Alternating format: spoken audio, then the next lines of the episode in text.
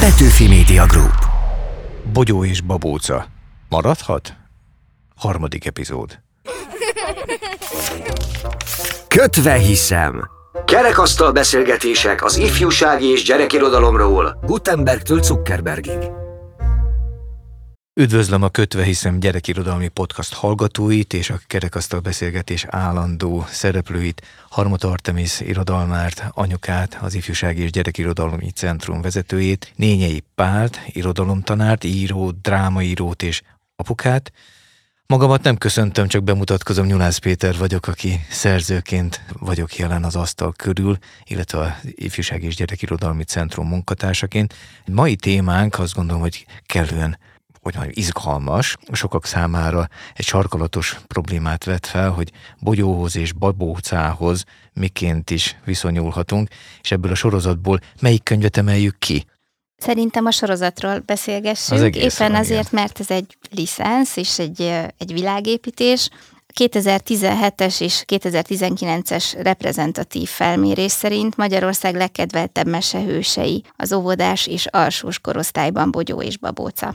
Bartos Erika a Csiga fiú és a kis Katica lány, valamint barátaik alakja köré írt és rajzolt kortárs mesekönyv sorozata. Minden bölcsödében, óvodában megtalálható, és ezért lehet mindenkinek köze hozzá. Mint ilyen a legelérhetőbb, és látjuk a különböző online fórumokon is, hogy megosztó a szülők körében.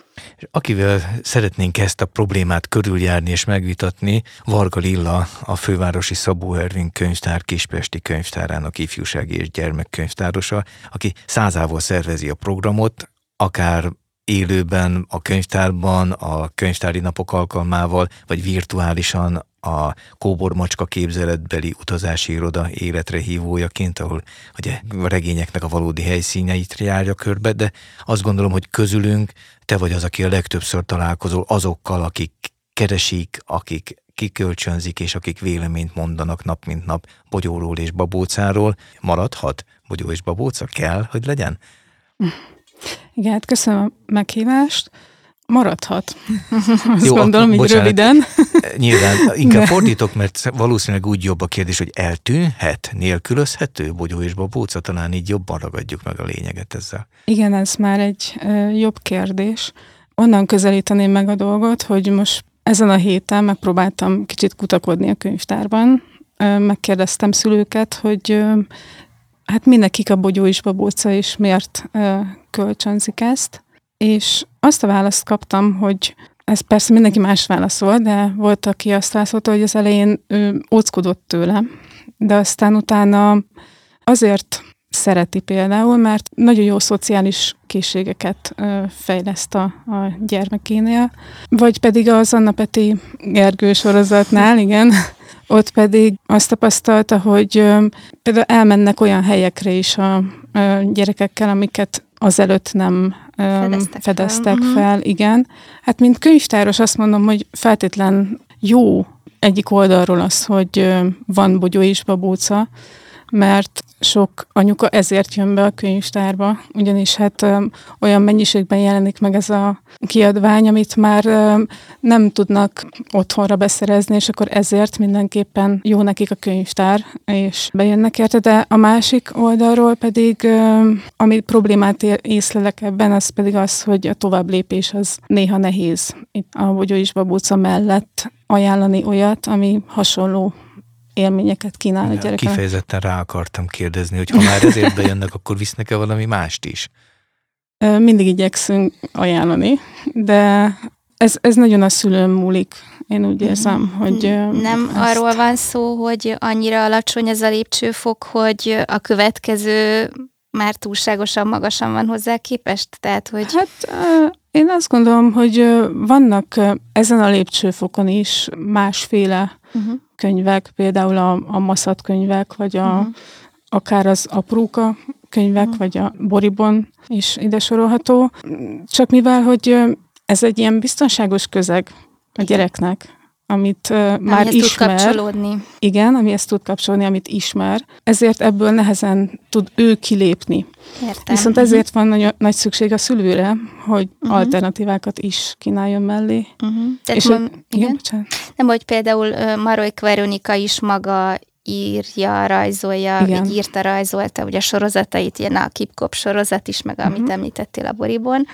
Hogyha meg kellene fogalmazni a különbséget, akkor a világépítésben azért van egy olyan különbség is, ami talán inkább a, a szülőket zavarhatja jobban. Tehát, hogy sokszor a gyerekeket kielégíti az a világ, és ahogy mondod, ez tényleg erről van szó, hogy nehezen is válnak meg tőle, hiszen ez a repetitív mód, hogy visszatérnek a figurák, ők még ráadásul hasonlítanak is egymásra, a sztorik ugyanúgy vannak fölépítve nagyon hasonlóan, hát ugye ez a kétharmad, egyharmad elosztás az oldalon, és minden könyvben két történet, és hát most arra már ugye annyira megszokottá vált ez a struktúra, és olyan kiszámíthatóvá maga a nyelvezet is, hiszen teljesen alapszavakból áll, hogy akkor lehetett építeni rá másfajta kiadványokat. Tehát, hogy láttuk, hogy van a kínálatban olyan is, ami a hónapokra épít, vagy külön a karakterekre, és akkor így valóban ez egy ilyen biztonságos közeg lehet a gyereknek, hogy fölismeri az elemeit.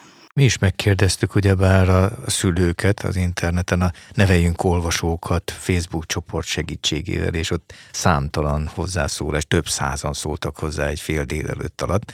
Tehát megmozgatja a szülőket mindenféleképpen, vagy klóf, vagy kontra. És éppen van ilyen vélemény például, hogy azokkal a bugyózis babóca részekkel próbálkozott, amiket már látott a rajzfilmen a, a kisgyermeke, és hogy hát a felkelti az érdeklődését, fel is keltette, és ellentétben az enyémmel, írja ugye az anyuka, aki gyűlöltem másodszor is olvasni a bogyó és babócát, vagy a Thomas a gőzmozdonyt, de hát a szent cél érdeke, ugye? És akkor az lenne a szent cél, hogy a gyereknek tetszik. Igen, és volt, aki az írta, hogy a kukacos rész után hagyta abba a fiam az éjszakai evést, és kezdett jobban aludni. Örök hála, hogy legyen egy ellenvélemény. És volt, aki szerint a Bogyó és Babóca a könyveknek a Netflixe, hogy sok benne a dráma, és tényleg ilyen drámai szituációk vannak, és hogy a fiú és lány sztereotípiák vannak, akiket zavartak ebben. Na most az az érdekes, hogy járt nálunk egy kis hölgy, aki immár gimnazista, de én azt gondolom, hogy érdekeseket és tanulságos szempontokat ad a beszélgetés folytatásához.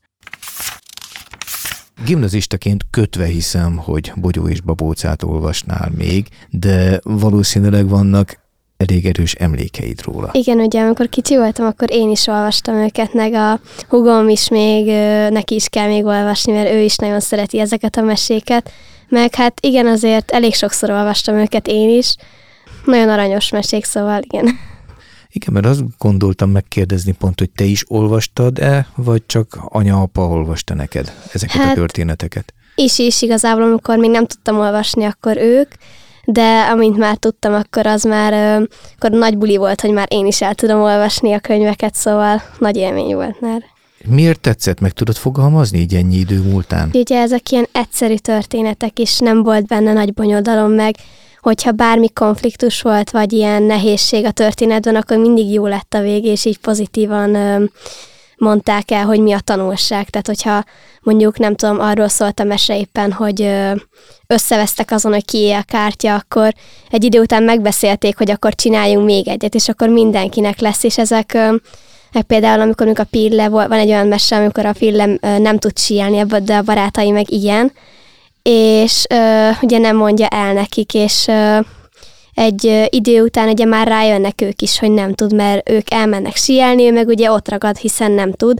Többször elesik, de egy idő után ugye megtalálják, és akkor ugye ő is kénytelen elmondani, és szerintem ez tök fontos, mert én is például, például ha valamit nem értek mondjuk az iskolába, akkor tök jó, hogy már van annyi bátorságom, hogy elmondjam, hogy nem értem, és akkor elmondják meg. Szerintem ezek a mindennapi életben is tök sok dolgot megtanítanak, hogy merjük elmondani a dolgokat, meg ha van valami baj, akkor azt is megbeszélni kell, és nem ott hagyni. Szóval Azt mondod, hogy a probléma megoldásban segítettek neked gyerekkorodban is? Már úgy értem kisebb gyermekkorodban is? Igen, hát nekem is, meg ugye a hugomnak is, hogyha például direkt nem adja oda azt a ceruzát, ami nekem kell, akkor lehet rá hagyatkozni, hogy de a bugyó is odaadta végül Babócának a ceruzát, és akkor És ugye... ez frankon volt ilyen nektek? Otthon? Hát igen, volt ilyen, és akkor azért kicsit elgondolkozott, hogy most akkor odaadja, de egy idő után igen, ő is odaadta. Ugye neki ez még tökre olyan, mint hogyha ott lenne a bovóca, tehát hogy olyan, mint hogyha minden nap ott lenne, ugye minden este olvastuk, és akkor ez ilyen, nem tudom, Az olyan, mint hogyha mondjuk valakinek lenne egy tök nagy rajongója, hogyha ő azt mondja, hogy jó a kék, akkor neki is tetszeni mm. fog a kék, hogyha ő megeszi a bolonyai spagettit, akkor ő is megeszi a bolonyai spagettit, szóval ez ilyen. Szóval kifejezetten példaképként működtek. Hát igen. Uh-huh. Igazából mit gondolsz téged, mi fogott meg rögtön a legelején, amikor anya olvasta neked? A képek, vagy ezek az egyszerű történetek, a kis bonyodalmaknak a frappáns megoldásai? Hát, mindkettő, mert ugye a bogyó, vagy a babócának, ugye neki meg lila, ugye a ruha, és ez egy ilyen lányos szín, és akkor szerintem az is, hogy ilyen tök jól meg van csinálva, hogy a fiúk ugye a kék, a lány meg a lila rózsaszín, és szerintem ez is így jól van csinálva, de a történetek is jó, mert hogy rövid, egyszerű, és így, hát igazából bármikor én is el tudom mesélni, és így egyszerű. Amikor kisebb voltam, akkor a hugom például színapjára egyszerre bogyóba bóca plüsseket kapott, szóval...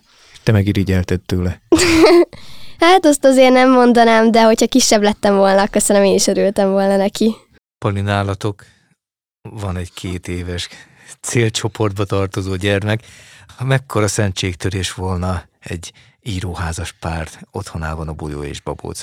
Hát nálunk van, van. Anna Peti Gergő is ott lakik, meg, meg Bogyó, vagy Babóc, meg az összes pihe, meg a többi lény. Tehát jelen vannak az életünkben természetesen. Hát mert ebben, a, ebben a világban élünk. Nem plüss, az nincs, az kisvakond van. Tehát az... az...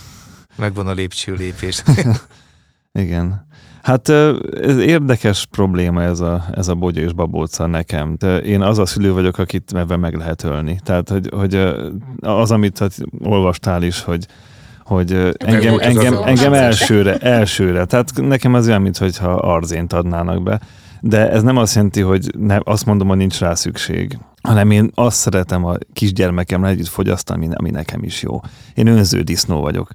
És engem ez, ez mérhetetlen idegesít ez a világ, ami, ami ebben van benne, és pont azt hiszem, hogy a csinált problémátlansága miatt valószínűleg. Tehát, hogy én, hogy én ezt nagyon erőltetetnek érzem, és nagyon eltávolodik a valóságtól. Tehát, hogyha az ember most mondok egy példát, hogy az van, hogyha, hogyha elveszik a játékot, csak a megoldás az, hogy akkor legyen két játék, ez, ez nem valós probléma. Tehát ez, sőt, szerintem ez egy, ez egy hazug áll megoldás. Meg, hazug, megoldás. hazug megoldás. Tehát, hogyha tényleg valami probléma van, akkor nem az megoldás, hogy megsokszorozzuk, és akkor mindenkinek lesz.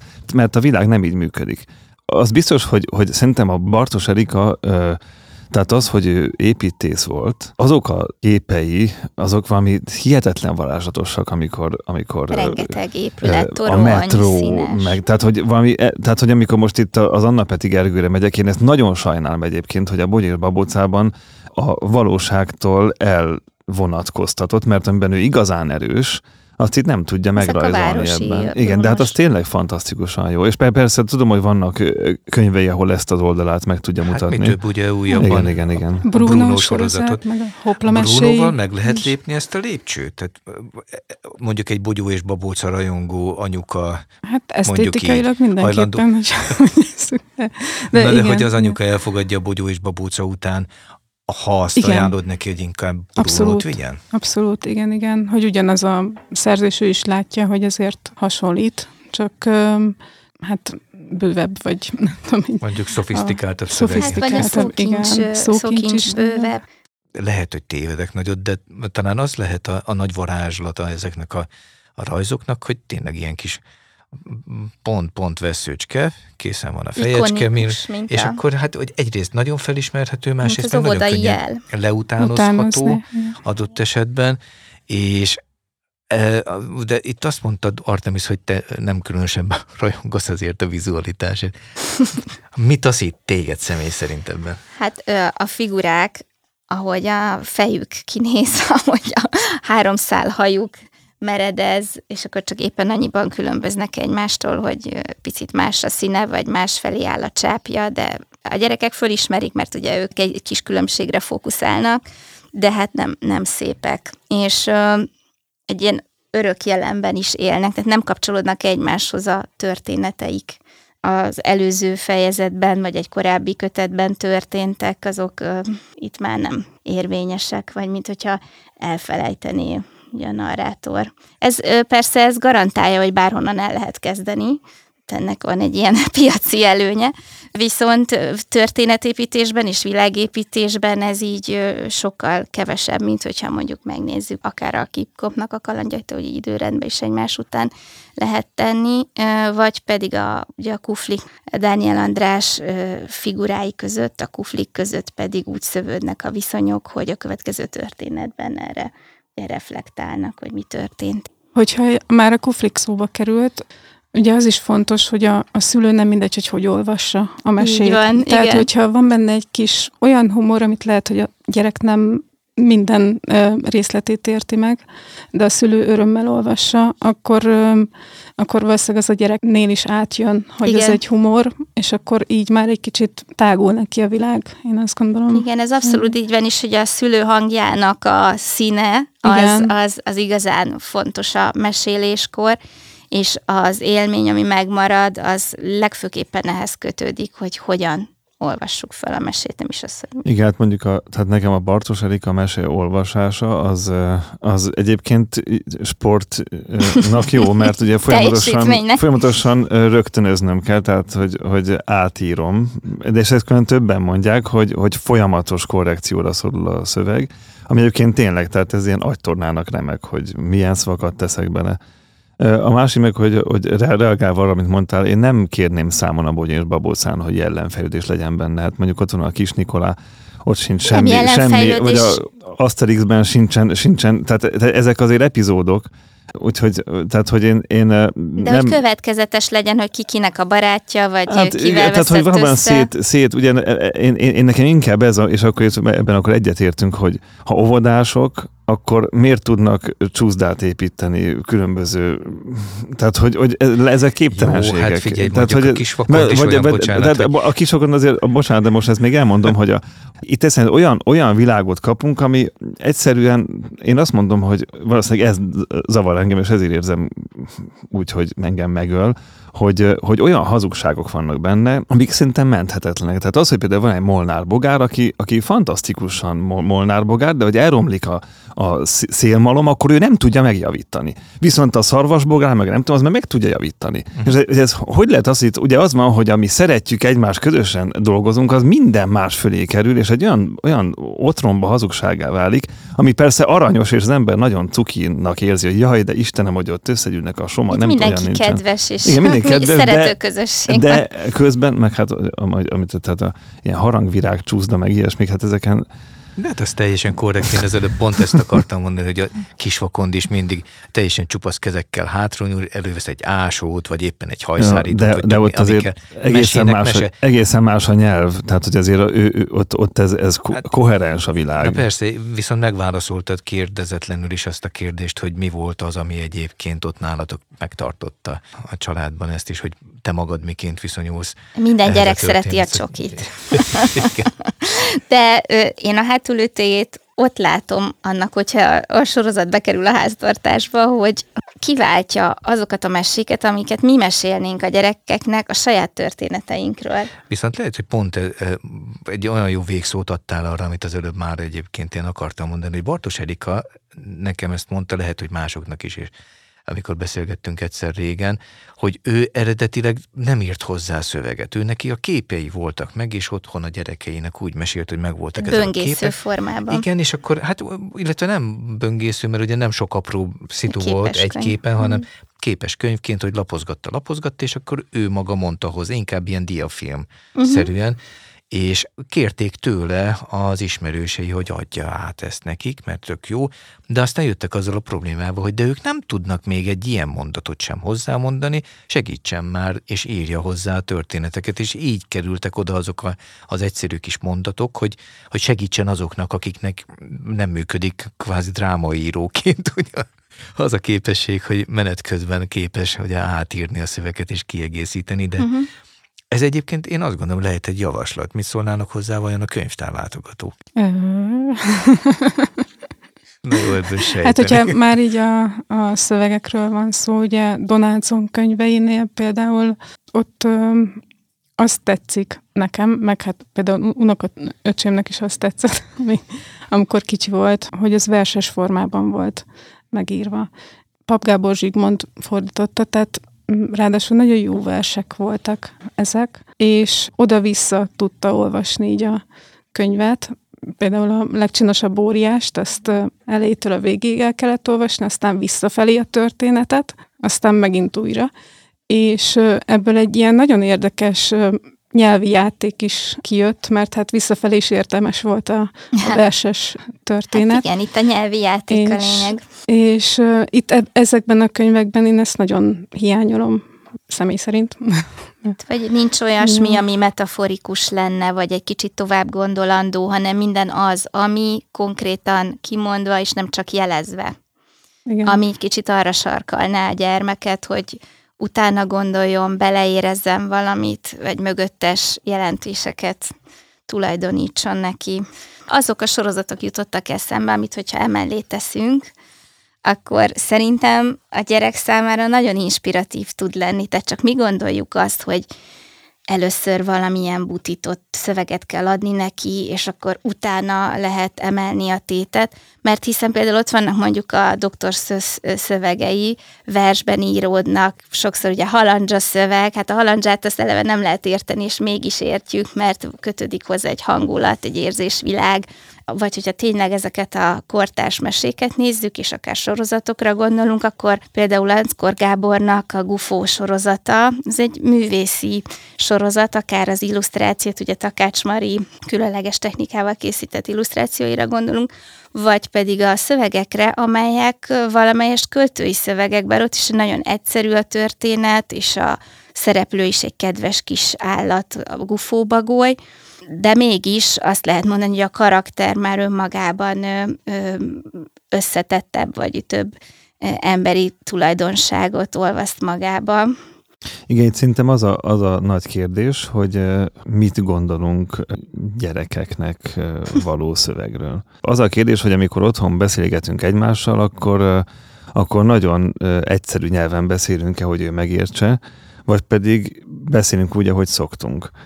És én nem azt mondom, hogy a mesekönyveknek olyannak kell lenni, mint hogy a Tolstoy írta volna őket, vagy nem tudom, Wittgenstein, csak azt, hogy, hogy nyugodtan lehet a szöveg összetettebb, és akár a történés összetettebb nyugodtan lehet, mert eh, ez a régi nagy veszőparipám, a gyerek nem hülye. Már kiskorában sem hülye. Vagy mindig annyit az... fog belőle, amelyek igen, a korosztályának, hogy pontosan. a fejlődésének éppen megfelelő, és később majd még többet és még többet, de a szülő sem fekszik kinyúlva igen, a igen. kanapén. Tehát, hogy most visszatérek a kisvakondra, ugye, ugye mert, hát, mert ebben élek. Tehát a kisvakond az tényleg majdnem minden epizód után én magam is elgondolkodom, és sőt, a nagy gyerekekkel még beszélgetünk a kisvakond problémáiról, mert tényleg olyan dolgokat vet fel, amik fantasztikusak. És ezt, ahogy az Artemis mondta, ezek nagyon direktek ezek a, ezek a mesék, és nem, nem adnak nekem lehetőséget arra, hogy szellemileg ö, gazdagítsam a gyermekemet, aki, aki még csak nézte, vagy nem tudom micsoda, mert, mert hogy engem, tehát ugar, ugaron hagy.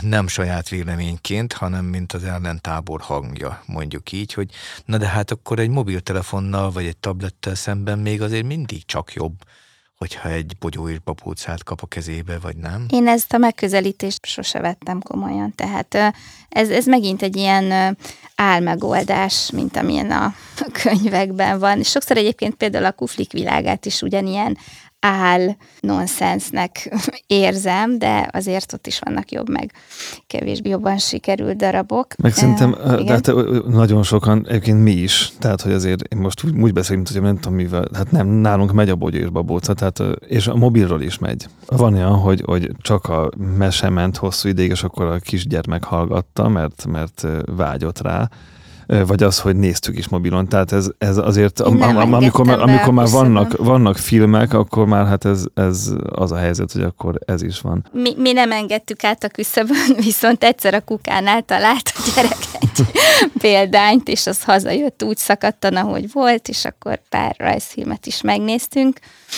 De eszembe jutott még két nagyszerű sorozat, amit ezek külföldi példák, ugye Sven Nordqvistnek a Fetszon és Findusza, ami egyben ugye böngésző is tud lenni, mert nagy a részletgazdag az illusztráció, ott is ugye maga a szerző, az illusztrátor. Igen. És Edwin Moser a nagy kedvencem, aki különböző korosztálynak ír könyveket, német szerző, és az ő Hol lakik a kisegér, és az Egér Cirkusz című könyve, az a család minden tagját levette a lábáról. Itt is ez a két-harmad, egyharmad szöveg és képarány található meg, mert ugye a Bogyó és Babocánál jobban tagolt, jobban elválasztott a kép és a szöveg, tehát nem kommunikálnak egymással, és azért egyéb sorozatokban jobban megvan a játék szöveg és kép között, és az is inkább alkalmas arra, hogy a fantáziát beindítsa.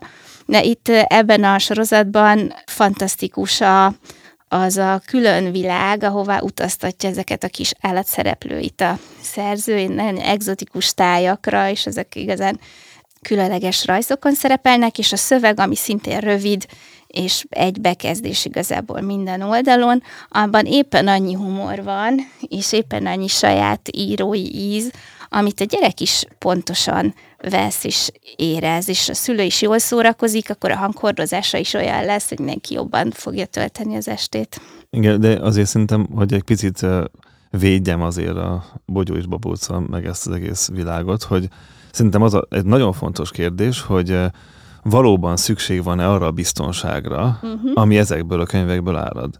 Tehát minden kornak megvan a maga gyerekirodalom közhelye. Ugye volt ez a melodramatikus, amikor mindig valaki gyermekbénulás miatt ül a tolószékbe, aztán föláll, meg meghal. Ugye régen mindig megölték a gyerekeket az írók, hogy nem tudom, tüdőbajosak voltak, ugye nemecsek, meg stb. És hogy, és hogy most meg, most meg, a, a, most meg megszületett az a fajta gyerekeknek szóló irodalomban nincsen igazából semmi probléma. És lehet, hogy most olyan világot élünk, mint hogyha erre lenne szükség. Most nagyon bólogatok. Hogy ez félelmetes, vagy, vagy nagyon jó helyzete, ez szerintem egy újabb kérdés lehetne. Hát ami... majd lehet, hogy megbeszéljük egy következő kötve hiszem podcast adásban, és lehet, hogy visszahívjuk a gyerekkönyvtárosunkat is, akinek nagyon köszönjük, hogy eljött, és az asztal társaságunk tagja volt Varga Lilla a Kispesti könyvtárból, és köszönjük a beszélgetést Nényei Pálnak, Harmat Artemisnek, valamint a podcast munkatársainak Horváth Gergely, Péceli Dóri, Szemők Bálint és Rédő Ádám segítségét.